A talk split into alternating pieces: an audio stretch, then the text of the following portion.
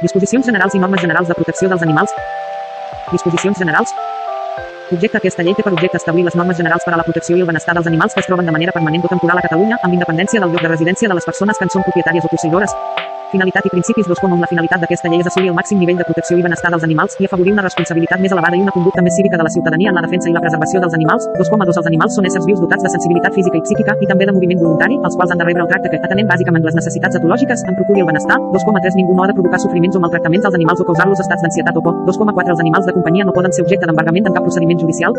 Definicions dels efectes d'aquesta llei s'entén per A. Animal domèstic, el que pertany a espècies que habitualment es crien, es reprodueixen i conviuen amb persones i que no pertanyen a la fauna salvatge. També tenen aquesta consideració els animals que es crien per a la producció de carn, de pell o d'algun altre producte útil per a l'ésser humà, els animals de càrrega i els que treballen en l'agricultura. B. Animal de companyia, animal domèstic que les persones mantenen generalment a la llar amb la finalitat d'obtenir-ne companyia. Els efectes d'aquesta llei gaudeixen sempre d'aquesta consideració els gossos, els gats i les fures. C. Fauna salvatge autòctona, fauna que comprèn les espècies animals originàries de Catalunya o de la resta de l'estat espanyol i les que hivernen o hi són de pas. També comprèn les espècies de peixos i animals marins de les costes catalanes. De fauna salvatge no autòctona, fauna que comprèn les espècies animals originàries de fora de l'estat espanyol, té animal de companyia exòtic, animal de la fauna salvatge no autòctona que de manera individual depèn dels humans i conviu i ha assumit el costum del captiveri, F, animal en salvatgit, animal de companyia que perd les condicions que el fan apte per a la convivència amb les persones, G, animal abandonat, animal de companyia que no va acompanyat de cap persona ni du cap identificació del seu origen o de la persona que n'és propietària o posseïdora, també tenen la consideració d'abandonats els casos establerts per 17,3, H, animal salvatge urbà, animal salvatge que viu compartint territori geogràfic amb les persones, referit al nucli urbà de ciutats i pobles i que pertany a les espècies següents, colom roquer, colom balivià, gavià argentat, larus carinans, estornells, turnus unicolòies secundaris, espècies de fauna salvatge no autòctona i d'altres que s'han de determinar per via reglamentària, i nucli zoològic, les agrupacions zoològiques per a l'exhibició d'animals, les instal·lacions per al manteniment d'animals de companyia, els establiments de venda i els centres de cria d'animals, els centres de recollida d'animals, el domicili dels particulars on es fan vendes o altres transaccions amb animals i els de característiques similars que es determinin per via reglamentària, en queden excloses les instal·lacions que allotgen animals que es crien per a la producció de carn, de pell o d'algun altre producte útil per a l'ésser humà, els animals de càrrega i els que treballen en l'agricultura, J, instal·lació per al manteniment d'animals de companyia, establiment en què es guarden els animals de companyia i sente cura, com ara les residències, les escoles d'ensinistrament, les gosseres esportives i de caça i els centres d'importació d'animals, CAT, centre de cria d'animals, instal·lació que destina les cries a la venda o cessió posterior amb independència del nombre, ja sigui directament del públic en general, a establiments de venda o d'altres, L, Associació de Protecció i Defensa dels Animals, entitat sense afany de lucre legalment constituïda que té entre els seus objectius o finalitats emparar i protegir els animals, M, animals de competició o cursa, animals que es destinen a competicions i curses on es fan apostes sense distinció de les modalitats que assumeixin, principalment dels gossos i els cavalls, N, animal perdut, animal de companyia que du identificació del seu origen o de la persona que n'és propietària i que no va acompanyat de cap persona, normes generals de protecció dels animals, Obligacions de les persones propietàries i posseïdores d'animals. 4,1 Les persones propietàries i les posseïdores d'animals han de mantenir-los en bones condicions higiènico-sanitàries, de benestar i de seguretat, d'acord amb les característiques de cada espècie. 4,2 La persona posseïdora d'un animal ha de donar-li l'atenció veterinària bàsica per garantir-ne la salut, Prohibicions resten prohibides les actuacions següents respecte als animals, a maltractar-los, agredir-los físicament o sotmetre'ls a qualsevol altra pràctica que els produeixi sofriments o danys físics o psicològics, ret subministrar-los substàncies que puguin causar-los alteracions de la salut o del comportament, excepte en els casos emparats per la normativa vigent o per prescripció veterinària, c. abandonar-los, de mantenir-los en instal·lacions indegudes des del punt de vista higiènico-sanitari, de benestar i de seguretat de l'animal, de practicar-los mutilacions, extirpar-los ungles, cordes vocals o altres parts o òrgans, llevat de les intervencions fetes amb assistència veterinària en cas de necessitat terapèutica per garantir-ne la salut o per limitar-ne o anul·lar-ne la capacitat reproductiva, per motius científics o de maneig, es podran fer aquestes intervencions amb l'autorització prèvia de l'autoritat competent, f. no facilitar-los alimentació suficient, G. Fer-ne donació com a premi, recompensa, gratificació o regal de compensació per altres adquisicions de naturalesa diferent de la transacció onerosa d'animals, H. Vendre'ls a les persones menors de 16 anys i a les persones incapacitades sense l'autorització dels qui en tenen la potestat o la custòdia, i comerciar-hi fora dels certàmens o d'altres concentracions d'animals vius i d'establiments de venda i de cria autoritzats, llevat de les transaccions entre les persones particulars quan es limitin els seus animals de companyia, no tinguin afany de lucre i es garanteixi el benestar de l'animal, J. Exhibir-los de manera ambulant com a reclam, K. Sotmetre'ls a treballs inadequats pel que fa a les característiques dels animals i a les condicions higiènico-sanitàries, L. Mantenir-los lligats durant gran part del dia o limitar-los de manera duradora al moviment que els és necessari, M. Mantenir-los en locals públics o privats en condicions de qualitat ambiental, lluminositat, soroll, i similars que els puguin afectar tant físicament com psicològicament, n. matar-los per joc o perversitat o torturar-los, prohibició de baralles d'animals i altres activitats. 6,1 es prohibeix l'ús d'animals en baralles i en espectacles o d'altres activitats. Si els poden ocasionar sofriment o poden ser objecte de burles o tractaments antinaturals o bé si poden ferir la sensibilitat de les persones que els contemplen com ara els següents a baralles de gossos, b baralles de galls, c matances públiques d'animals, atraccions firals giratòries amb animals vius lligats i altres d'assimilables, etial colom i altres pràctiques assimilables, f no vigent, g els espectacles de circ amb animals que pertanyen a la fauna salvatge. 6,2 resten excloses d'aquestes prohibicions les festes amb toros o bous sense mort de l'animal correbous en les dates i les localitats on tradicionalment se celebren en aquests casos és prohibit inferir dany als animals. 6,3 es prohibeix matar i maltractar els animals emprats en produccions cinematogràfiques, televisives, artístiques o publicitàries o causar-los danys o estrès, de manera que el dret a la producció i la creació artístiques, quan es desenvolupi dins un espectacle, queda subjecte a les normes de policia d'espectacles, com poden ser l'autorització administrativa prèvia, la difusió audiovisual d'aquest tipus de produccions queda restringida a horaris en què no puguin ser observades per menors i ferir-los la sensibilitat, afectacions, Certàmens als certàmens, les activitats esportives amb participació d'animals i d'altres concentracions d'animals vius han de complir la normativa vigent, en especial la relativa a condicions higienico-sanitàries, de protecció i de seguretat dels animals. Trasllat d'animals buit com on els animals han de disposar d'un espai suficient que permeti, com a mínim, que puguin aixecar-se i jeure si se'ls trasllada d'un lloc a un altre. Els mitjans de transport o els embalatges han de ser concebuts per protegir els animals de la intempèrie i de les diferències climàtiques fortes. 8,2 Els animals han de ser abeurats durant el transport i han de rebre una alimentació apropiada a intervals convenients segons el que s'estableixi per via reglamentària. 8,3 En la càrrega i la descàrrega dels animals s'ha d'utilitzar un equip adequat per evitar los danys o sofriments. Control de poblacions d'animals 9,1 S poden fer controls específics de poblacions d'animals considerats perjudicials o nocius, sempre que no es tracti d'exemplars d'espècies protegides. Les pràctiques destinades a la protecció de les collites no han d'implicar en cap cas la destrucció en massa d'animals no nocius ni d'exemplars d'espècies protegides. Això no obstant, el departament competent en matèria de medi ambient pot autoritzar motivadament i de manera excepcional la captura o el control d'exemplars d'espècies protegides quan no hi ha cap altre mètode per evitar-ne els danys. 9,2 Pel que fa als ocells, els mètodes de captura són els previstos a la normativa comunitària i legislació bàsica estatal. Pel que fa als rosegadors, excepcionalment, es poden utilitzar substàncies enganxoses per al control de plagues si per qüestions sanitàries, de seguretat o d'urgència es justifica la necessitat i sempre que aquesta activitat no pugui afectar cap espècie protegida ni el medi natural, aquesta activitat només pot ser duta a terme per personal professional en llocs tancats i adoptant les mesures adequades per evitar al màxim el patiment de l'animal, afectacions, Filmació d'escenes fictícies de crueltat La filmació, en l'àmbit territorial de Catalunya, per al cinema, la televisió o d'altres mitjans de difusió, que reprodueixi escenes fictícies de crueltat, maltractament o sofriment d'animals requereix l'autorització prèvia de l'administració competent, a fi de garantir que el dany sigui simulat i els productes i els mitjans utilitzats no provoquin cap perjudici a l'animal. El mitjà de difusió ha de fer constar que les situacions són fictícies i fer-hi constar el número d'autorització. Sacrifici i esterilització d'animals 11,1 El sacrifici d'animals s'ha de fer, en la mesura que sigui tècnicament possible, de manera instantània, indolora i amb aturdiment previ de l'animal, d'acord amb les condicions i els mètodes que s'estableixin per via reglamentària. 11,2 S prohibeix el sacrifici de gats, gossos i fures a les instal·lacions per al manteniment d'animals de companyia i als nuclis zoològics en general, excepte pels motius humanitaris i sanitaris que s'estableixin per via reglamentària. 11,3 Els animals de companyia que són objecte de comercialització o transacció han de ser esterilitzats, excepte en els casos que s'estableixin per reglament. El reglament també ha de regular com han de ser els procediments d'esterilització perquè tinguin els mínims efectes fisiològics i de comportament de l'animal. 11,4 El sacrifici dels animals i l'esterilització dels animals de companyia han de ser sempre sota control veterinari. Responsabilitat de les persones posseïdores d'animals 12,1 La persona posseïdora d'un animal, sense perjudici de la responsabilitat subsidiària de la persona propietària, és responsable dels danys, els perjudicis i les molèsties que ocasioni a les persones, a altres animals, a les coses, a les vies i espais públics i al medi natural en general, d'acord amb el que estableix la legislació civil aplicable. 12,2 La persona posseïdora d'animals salvatges o d'animals de companyia exòtics la tinença dels quals és permesa i que per les seves característiques puguin causar danys a les persones, a altres animals, a les coses, a les vies i els espais públics o al medi natural ha de mantenir-los en captivitat de manera que es garanteixin les mesures de seguretat necessàries. Així mateix, no pot exhibir-los ni passejar-los per les vies i els espais públics i ha de tenir subscrita una pòlissa d'assegurança de responsabilitat civil. 12,3 La persona posseïdora d'animals està obligada a evitar-ne la fugida, tant dels exemplars com de les seves cries. 12,4 Les persones que, en virtut d'una autorització excepcional del Departament competent en matèria de medi ambient, puguin capturar de la natura i de ser posseïdores d'exemplars pertanyents a una espècie de fauna salvatge autòctona, ho són en condició de dipositàries. Aquests animals poden de ser tant confiscats com recuperats pel Departament competent en matèria de medi ambient i, si escau, alliberats, sense que la persona posseïdora no pugui reclamar cap mena de dret o d'indemnització. En cap cas aquests exemplars no poden de ser objecte de transacció. Títol 2 de la possessió d'animals. Normes generals. Tractaments sanitaris i comportamentals 13,1 Les administracions competents poden ordenar, per raons de sanitat animal o de salut pública, la vacunació o el tractament obligatori de malalties dels animals. 13,2 Els veterinaris que portin a terme vacunacions i tractaments de caràcter obligatori han de un arxiu amb la fitxa clínica dels animals atesos, el qual ha d'estar a disposició de les administracions que ho requereixin per portar a terme actuacions dins el seu àmbit competencial. Els veterinaris han d'informar la persona propietària o posseïdora de l'obligatorietat d'identificar el seu animal en el cas que pertany a una espècie d'identificació obligatòria i no estigui identificat, i també de l'obligatorietat de registrar-lo en el cens del municipi on resideix habitualment l'animal o en el registre general d'animals de companyia.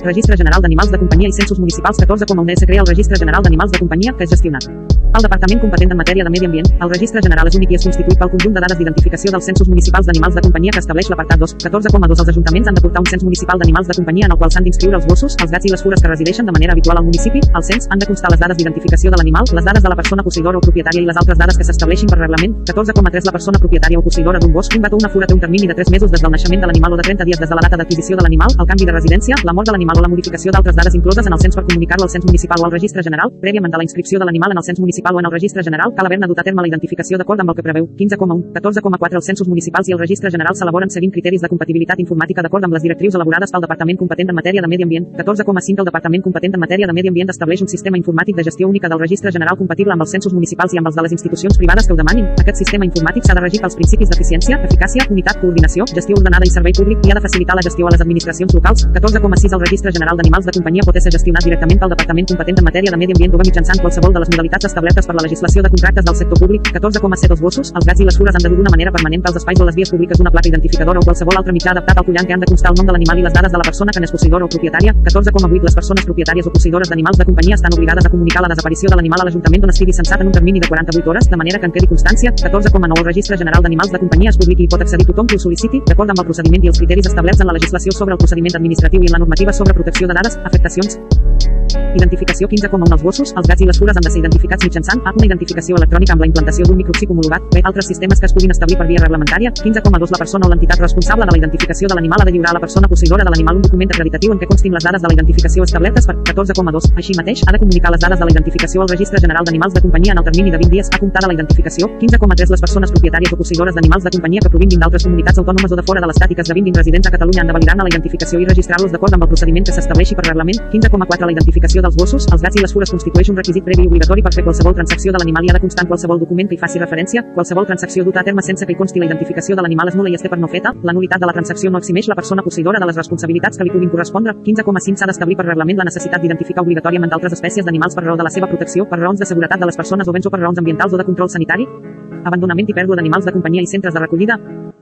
Recollida d'animals 16,1 correspon als ajuntaments de recollir i controlar els animals abandonats, perduts o ensalvatgits i de controlar els animals salvatges urbans. 16,2 Els ajuntaments poden delegar la responsabilitat a què fa referència l'apartat 1 als ens locals supramunicipals, sempre sota el principi de la millora en l'eficiència del servei i sota l'aplicació dels preceptes d'aquesta llei. 16,3 Els ajuntaments han de disposar de centres de recollida d'animals abandonats o perduts adequades i amb prou capacitat per al municipi o convenir la realització d'aquest servei amb ens locals supramunicipals o amb altres municipis. 16,4 en la prestació del servei de recollida d'animals abandonats o perduts, els ajuntaments o els ens locals supramunicipals, sense perjudici de la seva responsabilitat en el compliment de la normativa aplicable, poden concertar-ne l'execució amb entitats externes, preferentment amb associacions de protecció i defensa dels animals legalment constituïdes o amb empreses especialitzades de control i recollida d'animals de companyia. 16,5 El personal que treballi en els centres de recollida d'animals de companyia i que dugui a terme tasques de recollida o manipulació d'aquests animals ha d'haver fet un curs de cuidador o cuidadora d'animals, les característiques i el contingut del qual han de ser establerts per reglament. 16,6 Els ajuntaments o els ens locals supramunicipals, per si mateixos o mitjançant associacions de protecció i defensa dels animals col·laboradores del departament competent en matèria de medi ambient, d'acord amb el que preveu 20, han de confiscar els animals de companyia si hi ha indicis que se'ls maltracta o tortura, si presenten símptomes d'agressions físiques, desnutrició o atenció veterinària deficient o si romanen en instal·lacions indegudes. Recuperació d'animals 17 amb l'Ajuntament o, si escau, l'ens local supramunicipal corresponent s'han de fer càrrec dels animals abandonats o perduts fins que siguin recuperats, cedits o, si escau, sacrificats segons el que estableix 11,2, 17,2 el termini per recuperar un animal sense identificació és de 20 dies. L'animal s'ha de lliurar amb la identificació corresponent i amb el pagament previ de totes les despeses originades. 17,3 si l'animal porta identificació, l'Ajuntament o, si escau, l'ens supramunicipal corresponent ha de notificar a la persona propietària o posseïdora que té un termini de 20 dies per recuperar-lo i abonar prèviament totes les despeses originades. Transcorregut aquest termini, si la persona propietària o posseïdora no ha recollit l'animal, aquest es considera abandonat i pot de ser cedit, acollit temporalment o adoptat. Efectes que han d'haver estat advertits en la notificació esmentada Acolliment d'animals 18,1 Els centres de recollida d'animals abandonats o perduts han d'atendre les peticions d'acolliment d'animals de companyia, les quals s'han de formular per escrit. 18,2 L'acolliment dels animals de companyia s'ha d'ajustar als requeriments següents. A. Els animals han de ser identificats prèviament a l'acolliment. B. Els animals han de ser desparasitats, vacunats i esterilitzats d'acord amb el que preveu. 11,3 Per garantir-ne unes condicions sanitàries correctes. C. Cal lliurar un document on constin les característiques i les necessitats higiènico-sanitàries, etològiques i de benestar de l'animal. De cada centre ha de dur el llibre de registre esmentat en 21. B. Amb les dades de cada animal que ingressa, de les circumstàncies de captura, trobada o lliurament, de la persona que n'ha estat propietària, si és coneguda, i també les dades de l'animal. L'especificació de les dades que han de constar en el registre s'ha d'establir per via reglamentària. 18,3 Els centres de recollida d'animals abandonats han de disposar de les corresponents mesures de seguretat a fi de garantir la integritat física i psíquica dels animals, evitar-ne la fugida i limitar el nombre d'animals que convisquin en grups per evitar baralles i la propagació de malalties infectocontagioses. S'han de fixar per reglament els requisits que aquests centres han de reunir per complir el que estableix aquesta llei. El control dels requisits previstos en aquest apartat correspon als ajuntaments tant en els centres propis com en els centres concertats. Captura de gossos, gats i fures ensalvatgits 19,1 correspon als ajuntaments la captura en viu de gossos, gats i fures ensalvatgits per mètodes d'immobilització a distància, 19,2 en els casos en què la captura per immobilització no sigui possible, el departament competent en matèria de medi ambient ha d'autoritzar excepcionalment l'ús d'armes de foc i ha de determinar qui ha d'emprar aquest sistema de captura excepcional, 19,3 en el cas que es produeixin atacs d'aquests animals de companyia ensalvatgits a persones, a espècies ramaderes o a espècies d'animals protegides o catalogades legalment com a amenaçades, o en el cas que calgui prevenir aquests atacs, el director o directora dels serveis territorials del departament competent en matèria de biodiversitat pot autoritzar-ne la captura mitjançant una resolució motivada que determini els mètodes autoritzats i també l'organització de la captura, la qual correspon de fer a personal del dit departament. Les captures han de ser notificades als ajuntaments afectats. 19,4 si són testimonis d'un atac flagrant d'un o més gossos, gats o fures ensalvatgits envers persones, espècies ramaderes o animals de la fauna salvatge autòctona protegida o amenaçada, els agents de l'AU. Unitat poden fer ús d'armes de foc i, si escau, capturar-los per evitar els danys o minimitzar-los. Els agents han de notificar les captures als ajuntaments afectats. Afectacions títol 3 de les associacions de protecció i defensa dels animals. Associacions de protecció i defensa dels animals 20 com amb les associacions de protecció i defensa dels animals s'han d'inscriure en el registre d'associacions de protecció i defensa dels animals del departament competent en matèria de medi ambient per obtenir el títol d'entitat col·laboradora. 20,2 el departament competent en matèria de medi ambient pot convenir en els termes previstos per la normativa vigent amb les associacions de protecció i defensa dels animals l'acompliment de tasques en relació amb la protecció i la defensa dels animals. 20,3 el departament competent en matèria de medi ambient pot establir ajuts per a les associacions que han obtingut el títol d'entitats col·laboradores destinats a les activitats que duguin a terme en relació a la protecció i la defensa dels animals especialment per a l'execució de programes d'adopció d'animals de companyia en famílies qualificades per a la promoció de campanyes i programes d'esterilització de gossos, gats i fures i també per a la promoció de campanyes de sensibilització de la ciutadania. 20,4 Les associacions a què fa referència l'apartat 3 d'aquest article tenen la consideració d'interessades en els procediments sancionadors establerts per aquesta llei, en els casos en què hagin formulat la denúncia corresponent o hagin formalitzat la compareixença en l'expedient sancionador, sense perjudici de la privacitat de les dades de caràcter personal, títol i bé dels nuclis zoològics, disposicions generals, Requisits de funcionament dels nuclis zoològics han de complir els requisits següents. A. Inscriure's en el registre de nuclis zoològics del Departament competent en matèria de medi ambient. B. Un llibre de registre oficial, diligenciat per l'administració competent, en què es recullin de manera actualitzada les dades relatives a l'entrada i la sortida dels animals i les dades de la seva identificació. C. Disposar de les condicions higiènico-sanitàries i de benestar adequades a les necessitats dels animals, en els termes establerts per la normativa vigent. En especial, han de tenir instal·lacions adequades per evitar el contagi en els casos de malaltia o per tenir-los, si escau, en períodes de quarantena, de tenir en lloc visible l'acreditació de la seva inscripció en el registre de nuclis zoològics quan es tracti d'establiments d'accés públic, i tenir les mesures de seguretat necessàries per evitar la fugida dels animals i els danys a persones, animals, coses, vies i espais públics i al medi ambient i per evitar danys o atacs als animals. F. Disposar d'un servei veterinari encarregat de vetllar per la salut i el benestar dels animals. G. Tenir a disposició de l'administració competent tota la documentació referida als animals emplaçats al nucli d'acord amb la legalitat vigent. H. Vigilar que els animals s'adaptin a la nova situació, que no presentin problemes d'alimentació ni es doni cap altra circumstància que els pugui provocar danys i de ser els responsables de prendre les mesures adequades en cada cas. Animals emprats en competicions, curses i apostes 22,1 Els animals de competició o cursa i els animals criats, importats i entrenats per a les curses a Catalunya han de ser tractats als canòdroms, als hipòdroms i fora d'aquestes instal·lacions d'acord amb els principis generals establerts per aquesta llei. 22,2 No poden participar en competicions i curses en les quals es fan apostes als animals que no estiguin identificats i registrats en el registre d'animals de competició del Departament competent en matèria de medi ambient. 22,3 Les instal·lacions previstes en l'apartat 1 han de tenir els mitjans per obtenir les proves necessàries per fer els controls antidopatge a fi de determinar si els animals que participen en les curses han pres medicaments o altres substàncies que els poden afectar de manera artificial l'organisme. 22,4 El Departament competent en matèria de medi ambient ha de considerar el darrer propietari o propietària registrat com la persona responsable del benestar dels animals emprats en les curses. Aquest propietari o propietària ha de concertar els acords adequats per garantir el retí digne de l'animal, incloent-hi la participació en programes d'adopció com a animal de companyia, instal·lacions per al manteniment d'animals de companyia, Requisits mínims Les instal·lacions o els centres per al manteniment d'animals de companyia han de portar el llibre de registre a què es refereix 21b, en el qual han de constar les dades identificadores de cada animal que hi entra i de la persona que n'és propietària o posseïdora. Aquest llibre ha d'estar a disposició de les administracions competents. Establiments de venda d'animals i centres de cria d'animals. Requisits 24,1 Els establiments de venda d'animals i els centres de cria d'animals han de complir els requisits de funcionament següents. A. Estar inscrits en el registre de nuclis zoològics. B. Dur el llibre de registre regulat per 21. B. I tenir-lo a disposició de l'administració competent, el qual ha d'incloure les dades relatives a l'origen, la identificació i la destinació dels animals. C. Vendre els animals desparasitats, sense símptomes aparents de patologies psíquiques o físiques i sense que pateixin ni els animals que es venen ni els seus progenitors, malalties hereditàries diagnosticables. A més, els animals de companyia s'han de vendre esterilitzats, d'acord amb el que preveu 11,3 i s'han de vendre identificats els animals per als quals la identificació és obligatòria d'acord amb 15. De disposar d'un servei veterinari propi o d'un assessorament veterinari exterior que ha de constar en el llibre de registre mantenir els animals en un lloc adequat dins l'establiment i no exhibir-los als aparadors de les botigues. Aquests animals han de ser allotjats, abeurats i alimentats correctament. Els gossos, els gats i les fures han d'estar identificats i també els altres exemplars d'espècies la identificació de les quals sigui obligatòria. F. Lliurar, en les vendes d'animals, un document en què s'ha de fer constar la identificació de l'espècie, el número d'identificació de l'animal, si escau, i el nucli zoològic. En el cas de les vendes a particulars, també s'ha de lliurar un document d'informació sobre les característiques de cada animal, les seves necessitats, els consells d'educació i les condicions de manteniment, sanitàries i de benestar necessàries, avalades per un col·legi de veterinaris o de biòlegs. 24,2 L'actuació d'aquest centre s'ha d'ajustar als requeriments següents. A. Per a qualsevol transacció d'animals per mitjà de revistes de reclam, publicacions assimilables i altres sistemes de difusió, s'ha d'incloure a l'anunci el número de registre del nucli zoològic del centre venedor donant. Les empreses proveïdores de serveis de la Societat de la Informació i de Comerç Electrònic que facin publicitat de transaccions amb animals han d'incloure en el seu sistema de difusió l'advertiment que els anunciants han d'incloure en llurs anuncis el número d'inscripció en el registre de nuclis zoològics. B. Les persones professionals que treballin en establiments de venda, cria o importació d'animals i que hagin de manipular-los han d'haver fet un curs de cuidador o cuidadora d'animals. C. Els cadells importats o criats per ser venuts com a animals de companyia no poden de ser separats de la mare abans del moment de deslllatament recomanat per a cada espècie. 24,3 S prohibeix la instal·lació a tot el territori de Catalunya de granges, centres de cria o centres de subministrament de primats que tinguin com a objecte la seva reproducció o comercialització per a experimentació animal, afectacions, disposicions especials per als establiments que comercialitzen animals de companyia exòtics. Els establiments que comercialitzen animals de companyia exòtics han de complir, a més dels requisits establerts per 24, les disposicions següents. A. El venedor o la venedora dels animals ha de conèixer el nom científic de cada espècie que comercialitza i la legislació aplicable a cadascuna i ha d'informar el comprador o la compradora de la prohibició d'alliberar exemplars d'espècies no autòctones. B. La factura de venda ha d'incloure, si escau, el número CITS o el que determini la normativa europea de cada exemplar venut. C. Les informacions escrites a què fa referència, 24,1. F. Han d'incloure les especificacions relatives a l'espècie de l'exemplar venut, la grandària d'adult i la possibilitat de transmissió de zoonosi, títol de fauna salvatge autòctona i no autòctona, Normes generals. Regulació La protecció de la fauna salvatge autòctona i no autòctona es regeix pel que estableixen els tractats i els convenis internacionals, la normativa estatal i la comunitària, aquesta llei i les disposicions que la despleguen. Fauna salvatge no autòctona 27,1 Les persones propietàries o posseïdores d'animals que pertanyen a les espècies de fauna salvatge no autòctona que es determinin per reglament han de tenir l'autorització prèvia del Departament competent en matèria de medi ambient. 27,2 El govern ha de determinar les espècies de fauna salvatge no autòctona que s'han d'inscriure en el Registre General d'Animals de Companyia per raons de protecció o seguretat de les persones o de protecció del medi ambient. Protecció dels peixos de talla petita 28,1 S prohibeixen la pesca, el tràfic, la venda i el consum de peixos i de grans menors de la fauna salvatge.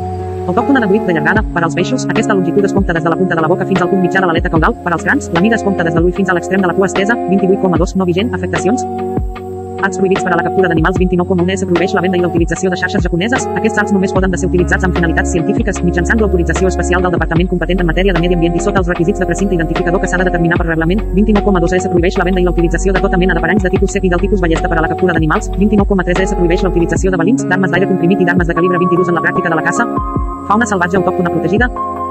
Declaració de fauna salvatge autòctona protegida 30,1 Les espècies de la fauna salvatge autòctona que inclou l'annex es declaren protegides a Catalunya. 30,2 El Departament competent en matèria de medi ambient, d'acord amb l'estat de les poblacions de la fauna salvatge autòctona, pot ampliar la relació d'espècies protegides a Catalunya. 30,3 Les espècies declarades anualment d'espècies protegides o de caça o pesca prohibides per les resolucions que estableixen els períodes hàbils de caça i de pesca en el territori de Catalunya es consideren espècies de l'annex amb la categoria de mentre dura la temporada de caça o de pesca i són sotmeses a idèntica protecció. Àrees de protecció de fauna salvatge autòctona 31,1 amb la finalitat de conservar les espècies animals. S'estableixen les àrees de protecció següents. A. Les reserves naturals de fauna salvatge. B. Els refugis de fauna salvatge. 31,2 Les reserves naturals de fauna salvatge són àrees limitades per protegir determinades espècies i poblacions de la fauna salvatge en perill d'extinció. La declaració ha de ser atorgada pel Departament competent en matèria de medi ambient. Un cop feta la informació pública dient, no s'hi pot permetre cap activitat que perjudiqui o pugui perjudicar l'espècie o la població per a la protecció de la qual s'ha fet la declaració. 31,3 Els refugis de fauna salvatge són àrees limitades per preservar la fauna. La declaració ha de ser atorgada pel Departament competent en matèria de medi ambient, d'ofici o a instància de les persones propietàries del terreny, amb l'informe previ del Consell de Caça de Catalunya i, si es tracta de terrenys inclosos en àrees privades de caça, havent fet prèviament la informació pública dient, en els refugis de fauna salvatge és prohibida la caça. Planejament dels instruments de planejament territorial i urbanístic han d'assegurar la preservació, el manteniment i la recuperació dels biòtops i dels hàbitats de les espècies protegides. Prohibicions 33,1 respecte de les espècies de fauna salvatge autòctona protegides, es prohibeix la caça, la captura, la tinença, el tràfic o el comerç, la importació i l'exhibició pública, tant dels exemplars adults com dels ous o les cries, i també de les parts o restes, llevat dels supòsits especificats per reglament. Aquesta prohibició afecta tant les espècies vives com les dissecades i tant l'espècie com els tàxons inferiors. 33,2 pel que fa a les espècies migratòries, es prohibeix especialment la pertorbació dels espais de concentració, cria, muda, hivernada i descans.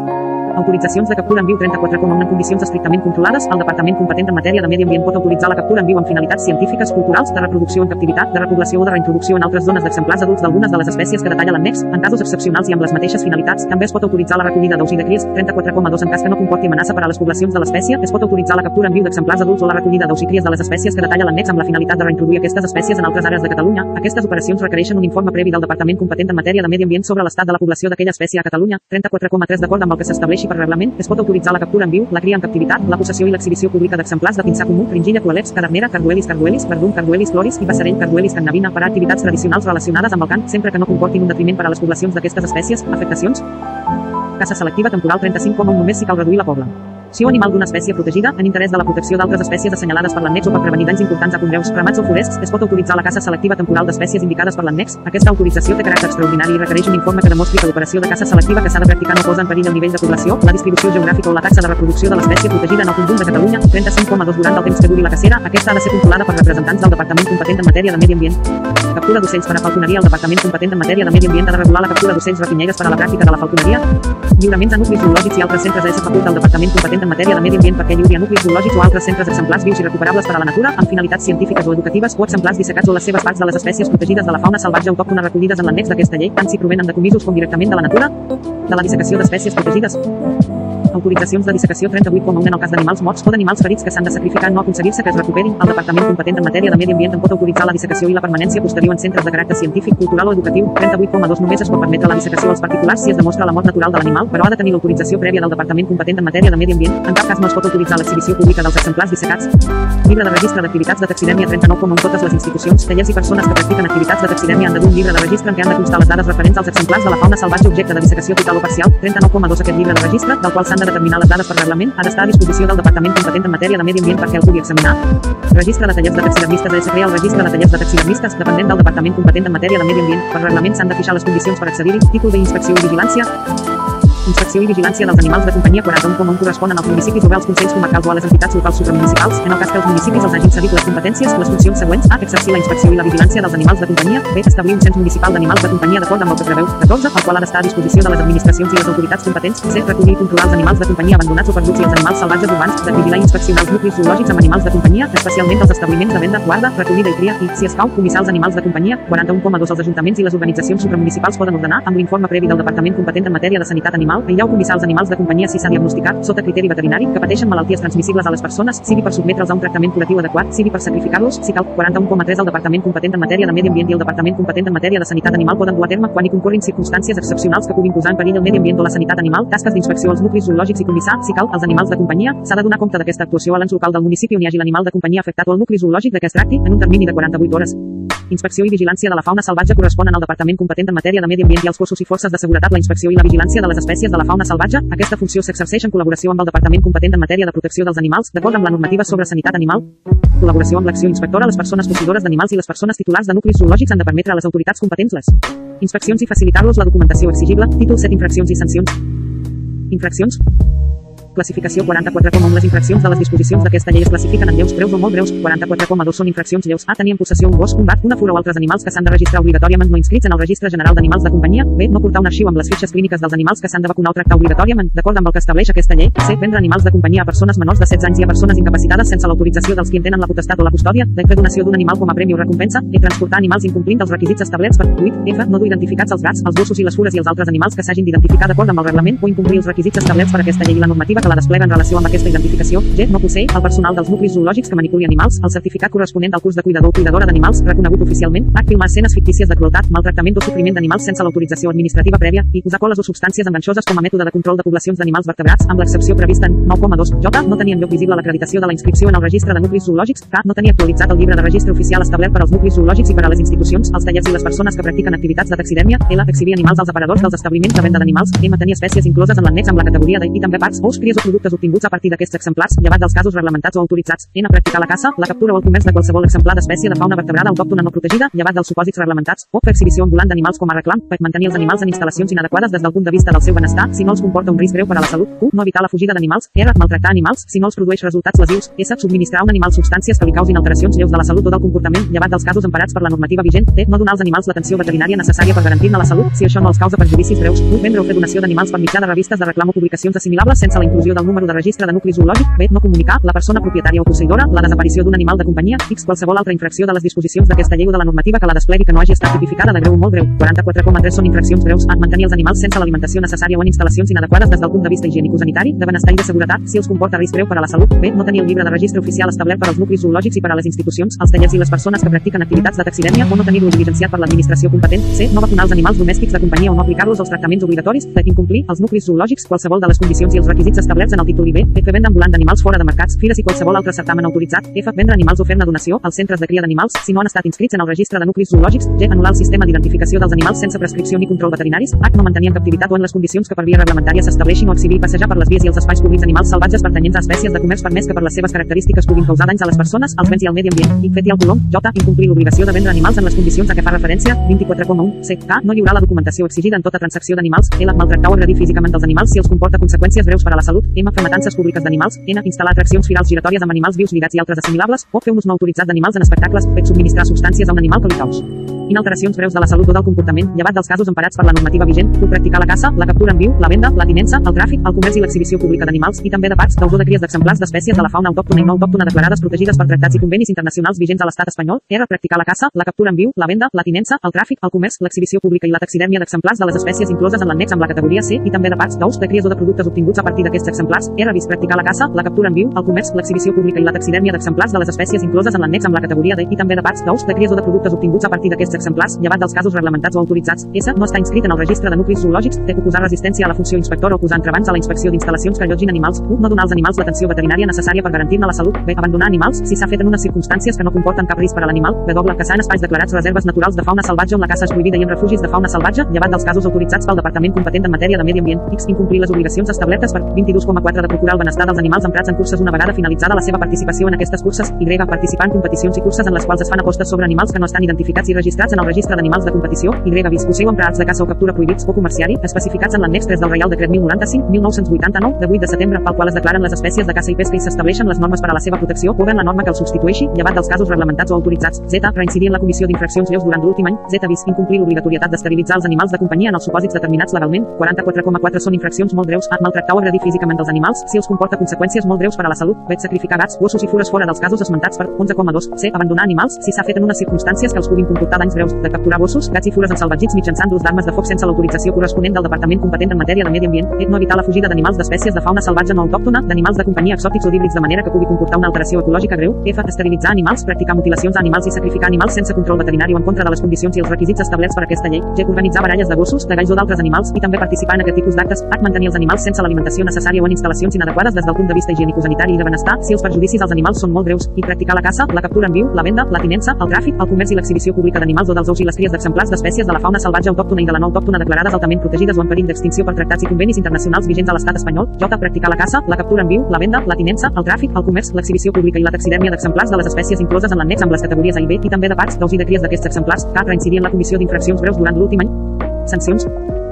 Multes, comís i tancament d'instal·lacions 45,1 Les infraccions comeses contra aquesta llei són sancionades amb multes de fins a 20.000 euros. 45,2 La imposició de la multa pot comportar el comís dels animals objecte de la infracció, sense perjudici de l'aplicació del comís preventiu que es pot determinar a criteri de l'autoritat actuant en el moment d'estendre l'acte d'inspecció o interposar la denúncia. La imposició de la multa també comporta, en tots els casos, el comís dels acts de caça o captura i dels instruments amb què s'ha dut a terme, els quals poden de ser retornats a la persona propietària un cop abonada la sanció, llevat que es tracti d'actes de caça o captura prohibits. 45,3 La comissió de les infraccions molt greus o la reiteració en les infraccions. Uns breus pot comportar el tancament temporal de les instal·lacions, els locals o els establiments respectius, amb la corresponent anotació al registre de nuclis zoològics i també la inhabilitació per a la tinença d'animals per un període de dos mesos a 5 anys. 45,4 L'incompliment d'alguna de les normatives o condicions d'una autorització excepcional per a la captura o la possessió d'un animal d'una espècie de fauna autòctona pot comportar la retirada cautelar in situ immediata d'aquesta autorització pels agents de l'autoritat. 45,5 Les persones que disposen d'aquestes autoritzacions excepcionals, en el cas de ser sancionades per l'incompliment d'alguns dels termes o normatives en aquesta matèria, han de ser inhabilitades per a l'activitat a què fa referència l'apartat 4 per un període d'un any a 5 anys. Quantia de les multes 46,1. Les infraccions lleus són sancionades amb una multa de 300 euros fins a 3.000 euros, les greus amb una multa de 3.000 euros fins a 9.000 euros i les molt greus amb una multa de 9.000 euros fins a 45.000 euros. 46,2 En la imposició de les sancions s'han de tenir en compte per graduar la quantia de les multes i la imposició de les sancions accessòries els criteris següents A. La transcendència social i el perjudici causat per la infracció comesa B. L'ànim de lucre i la quantia del benefici obtingut en la comissió de la infracció C. La reiteració o la reincidència en la comissió d'infraccions D. La irreparabilitat dels danys causats al medi ambient o l'elevat cost de reparació E. El volum de negoci de l'establiment F. La capacitat econòmica de la persona infractora G. El grau d'intencionalitat en la comissió de la infracció H. El fet que hi hagi requeriment previ. 46,3 Hi ha reincidència si en el moment de cometre's la infracció no ha transcorregut un any des de la imposició per resolució ferma d'una altra sanció amb motiu d'una infracció de la mateixa qualificació. Si s'hi aprecia la reincidència, la quantia de les sancions es pot incrementar fins al doble de l'import màxim de la sanció corresponent a la infracció comesa, sense excedir en cap cas el límit més alt fixat per a la infracció molt greu. 46,4 En el cas de comissió, per primer cop d'infraccions de caràcter lleu, sense perjudici de la necessitat de portar a terme la instrucció del procediment, es pot substituir la imposició de sancions pecuniàries per sancions amb què es duguin a terme actuacions d'educació ambiental o de prestació de serveis de caràcter cívic en benefici de la comunitat relacionades amb la protecció dels animals, d'acord amb el que sigui establert per reglament, el govern pot estendre aquestes actuacions d'educació ambiental o de prestació d'activitats de caràcter cívic en benefici de la comunitat relacionades amb la protecció dels animals a qualsevol infractor, sigui quina sigui la infracció comesa i si escau, la sanció imposada com a mesura específica complementària, afectacions, comís d'animals 47,1 Les administracions poden comissar de manera immediata els animals, sempre que hi hagi indicis racionals d'infracció de les disposicions d'aquesta llei o de les normatives que la despleguin. 47,2 En el cas de comissos d'exemplars de fauna salvatge autòctona capturats in situ, sempre que es tingui la seguretat que estan en perfectes condicions, els exemplars poden de ser alliberats immediatament. 47,3 Si el dipòsit prolongat d'animals procedents de comís pot de ser perillós per a la seva supervivència, els pot comportar patiments innecessaris o, en el cas de fauna autòctona, en fes perillar la readaptació a la vida salvatge, el departament competent en matèria de medi ambient pot decidir la destinació final de l'animal. 47,4 Quan fineixin les circumstàncies que han determinat el comís, en el cas que la persona sigui sancionada, s'ha de determinar la destinació de l'animal. 47,5 Les despeses ocasionades pel comís, les actuacions que hi estiguin relacionades i, en el cas de fauna salvatge autòctona, la rehabilitació de l'animal per alliberar-lo van a compte de la persona causant de les circumstàncies que l'han determinat. Responsabilitat civil i reparació de danys 48,1 La imposició de qualsevol sanció establerta per aquesta llei no exclou la valoració de l'exemplar en el cas que es tracti de fauna protegida, la responsabilitat civil i l'eventual indemnització de danys i perjudicis que puguin correspondre a la persona sancionada, inclosa la reparació dels danys mediambientals causats. Les espècies de fauna protegida indicades en l'annex tenen el valor econòmic següent A 6.000 euros B 2.000 euros C 300 euros D 100 euros el valor econòmic per la mort o la irrecuperabilitat de qualsevol exemplar d'espècie de vertebrat salvatge no cinegètic exceptuant els rosegadors no protegits i els peixos, llevat dels supòsits autoritzats, és com a mínim la determinada per a la categoria de les espècies sal. Patges de presència accidental ocasional a Catalunya que no tinguin un origen provocat per l'home se'ls aplica el valor econòmic de la categoria C48,2 en els contenciosos que tinguin per objecte el valor econòmic d'un animal, sempre que aquest valor no resulti de la factura de compra corresponent, s'estableix el valor mínim dels animals de companyia en la quantia equivalent a la compra d'un animal de la mateixa espècie i raça, 48,3 si l'animal no pertany a una raça determinada i no hi ha cap prova de la seva adquisició a títol onerós, el paràmetre d'avaluació econòmica de l'animal s'ha de centrar en el valor de mercat d'animals de característiques similars, responsables de les infraccions 49,1 és responsable per infraccions d'aquesta llei qualsevol persona física o jurídica que per acció o per omissió infringeixi els preceptes continguts en aquesta llei i la seva normativa de desplegament, 49,2 si no és possible determinar el grau de participació de les diferents persones físiques o jurídiques que han intervingut en la comissió de la infracció, la responsabilitat és solidària, procediment sancionador, per imposar les sancions corresponents a les infraccions tipificades per aquesta llei, cal seria el procediment sancionador regulat pel decret 278-1993 de 9 de novembre sobre el procediment sancionador aplicable als àmbits de competència de la Generalitat i també la llei de l'Estat 30-1992 de 26 de novembre de règim jurídic de les administracions públiques i del procediment administratiu comú, modificada per la llei 4-1999 de 13 de gener. 2. El termini per a dictar i notificar la resolució sancionadora en els procediments incoats per les infraccions tipificades en aquesta llei és d'un any. Afectacions d'administració competent per sancionar 51 com amb la imposició de les sancions establertes per la Comissió de les Infraccions tipificades en aquesta llei correspon a, en el cas de les infraccions relatives a la fauna salvatge autòctona, un R, el director o la directora dels serveis territorials del Departament competent en matèria de medi ambient, si es tracta d'infraccions lleus o greus, docena, el conseller o la consellera del Departament competent en matèria de medi ambient, si es tracta d'infraccions molt greus, bé per a la resta d'infraccions, un R, els alcaldes dels municipis de 5.000 habitants o més, si es tracta d'infraccions lleus comeses en el terme municipal, i els alcaldes dels municipis de 10.000 habitants o més, si es tracta d'infraccions breus comeses en el terme municipal, docena, el director o la directora dels serveis territorials del Departament competent en matèria de medi ambient, si es tracta d'infraccions lleus comeses en municipis de menys de 5.000 habitants o d'infraccions breus comeses en municipis de menys de 10.000 habitants, 3R, al conseller o a la consellera del departament competent en matèria de medi ambient, si es tracta d'infraccions molt greus. 51,2 No obstant el que estableix l'apartat 1, la competència per sancionar infraccions d'aquesta llei relatives als espectacles, les activitats i els establiments inclosos en el catàleg dels espectacles, les activitats recreatives i els establiments públics sotmesos a la llei 10.990, de 15 de juny, correspon al departament competent per aplicar la llei 10.990 o norma que la substitueixi. 51,3 El conseller o consellera del departament competent en matèria de medi ambient pot delegar les competències sancionadores per la comissió de la infracció establerta per 44,4 si els municipis, els consells comarcals o les entitats locals supramunicipals que ho sol·licitin. Afectacions multes coercitives 52,1 Si la persona que hi està obligada no compleix les obligacions establertes per aquesta llei, l'autoritat competent la pot requerir perquè, en un termini suficient, les compleixi, amb l'advertiment que, en el cas contrari, se li imposarà una multa coercitiva amb assenyalament de quantia, si escau, i fins a un màxim de 500 euros, sense perjudici de les sancions aplicables. 52,2 En cas d'incompliment, l'autoritat competent pot dur a terme requeriments successius fins a un màxim de 3. En cada requeriment, la multa coercitiva pot ser incrementada al 20% respecte de la multa acordada en el requeriment anterior. 52,3 Els terminis concedits han de ser suficients per poder dur a terme la mesura de que es tracti per evitar els danys que es puguin produir si no s'adopta la mesura en el temps corresponent. Disposicions addicionals Comissió Tècnica d'Inspecció de Nuclis Zoològics amb fauna salvatge se crea la Comissió Tècnica d'Inspecció de Nuclis Zoològics amb fauna salvatge a fi de vetllar perquè les instal·lacions siguin segures per a les persones i els animals i perquè els nuclis zoològics tinguin cura del benestar dels animals, s'han d'establir per reglament les funcions i el règim de funcionament d'aquesta comissió. IME igual, un S, major que registre d'empreses de control i recollida d'animals de companyia i registre d'animals de competició 2,1 S crea el registre d'empreses de control i recollida d'animals de companyia, en el qual s'han d'inscriure les empreses especialitzades de control i recollida d'animals de companyia, 2,2 S crea el registre d'animals de competició, en el qual s'han d'inscriure els animals que s'utilitzen en competicions o curses on es fan apostes, 2,3 s'han d'establir per reglament del contingut i el funcionament dels registres a què fa referència aquesta disposició. Voluntariat de protecció i defensa dels animals AS crea el voluntariat de protecció i defensa dels animals, l'organització i les finalitats del qual, en compliment d'aquesta llei, han de ser establerts per reglament. Campanyes de divulgació el govern ha d'elaborar, juntament amb les entitats defensores i col·laboradores, campanyes divulgadores i informatives del contingut d'aquesta llei per als cursos escolars i per a la població en general. Normativa específica 5,1 es regeixen per la normativa específica corresponent a els animals d'explotacions ramaderes, b la pesca, la recollida de marisc, la captura d'animals i la caça, c els gossos considerats potencialment perillosos, d els gossos pigall, e els animals utilitzats per a experimentació i per a altres finalitats científiques. 5,2 La protecció de la fauna autòctona també ha de ser regulada per la seva normativa específica, sense perjudici de l'aplicabilitat de la normativa general de protecció dels animals establerta per aquesta llei. Pràctica de la pesca esportiva amb peix viu sense perjudici del que disposa. 28. Es pot autoritzar la pràctica de la modalitat de pesca esportiva amb peix viu, restringida a les espècies que s'estableixin per reglament. Consell assessor sobre els drets dels animals en el termini d'un any des de l'entrada en vigor de la llei 22-2003 s'ha de crear el Consell assessor sobre els drets dels animals constituït per representants dels sectors interessats i de les administracions competents que ha de tenir funcions d'assessorament en matèria de protecció dels animals. Destinació dels ingressos procedents de les sancions al Departament competent en matèria de medi ambient ha de destinar els ingressos procedents de les sancions per infraccions d'aquesta llei a actuacions que tinguin per objecte el foment de la protecció dels animals, Modificació del barem de valoració i de les categories per espècie S faculta al govern perquè modifiqui per decret el barem de valoració establert per 48,1 i també, segons l'evolució de les poblacions, la categoria per espècie que recull l'annex. Suport als ens locals 10,1 el departament competent en matèria de medi ambient ha d'establir, d'acord amb les disponibilitats pressupostàries, línies d'ajuts als ens locals perquè els facilitin dur a terme les funcions que els corresponen en virtut d'aquest extra fos. 10,2 el departament competent en matèria de medi ambient ha de donar suport tècnic i assessorament als ens locals perquè duguin a terme les funcions que els corresponen en virtut d'aquest extra fos. Els termes i les condicions d'aquest suport s'han de regular per mitjà de convenis de col·laboració. Recollida d'animals exòtics 11,1 el departament competent en matèria de medi ambient ha d'establir convenis amb els ens locals per fixar els termes en què aquests ens locals han de recollir i lliurar a centres especialitzats els animals exòtics abandonats o perduts. 11,2 els ens locals poden concertar l'execució de la prestació dels serveis de recollida i lliurament a què fa referència l'apartat 1 amb les entitats o les empreses que disposin dels mitjans tècnics i personals adequats. Pròrroga en l'aplicació de 11,1 de la llei 22-2003 en determinats casos el govern pot prorrogar el termini d'entrada en vigor de 11,1 de la llei 22-2003 de 4 de juliol de protecció dels animals recollit en 11,2 d'aquest extra fos que era punt de gener de 2007 d'acord amb el que preveu la disposició final quarta de la llei 22-2003 fins a un màxim d'un any als municipis o a les entitats supramunicipals que tenen delegades les competències en la matèria si constata una greu dificultat per aplicar, esmentat, sempre que l'Ajuntament o l'entitat supramunicipal afectat presenti un pla que comprometi l'assoliment en aquest període de temps dels objectius previstos en esmentat dotació econòmica de programes de reeducació i conscienciació als efectes del que disposa, 32,4 de la llei 22-2003 de 4 de juliol de protecció dels animals, en la redacció establerta per 6,6 d'aquesta llei, que es recullen 46,4 d'aquest extra fos, el govern ha d'aprovar i dotar econòmicament abans de punt de gener.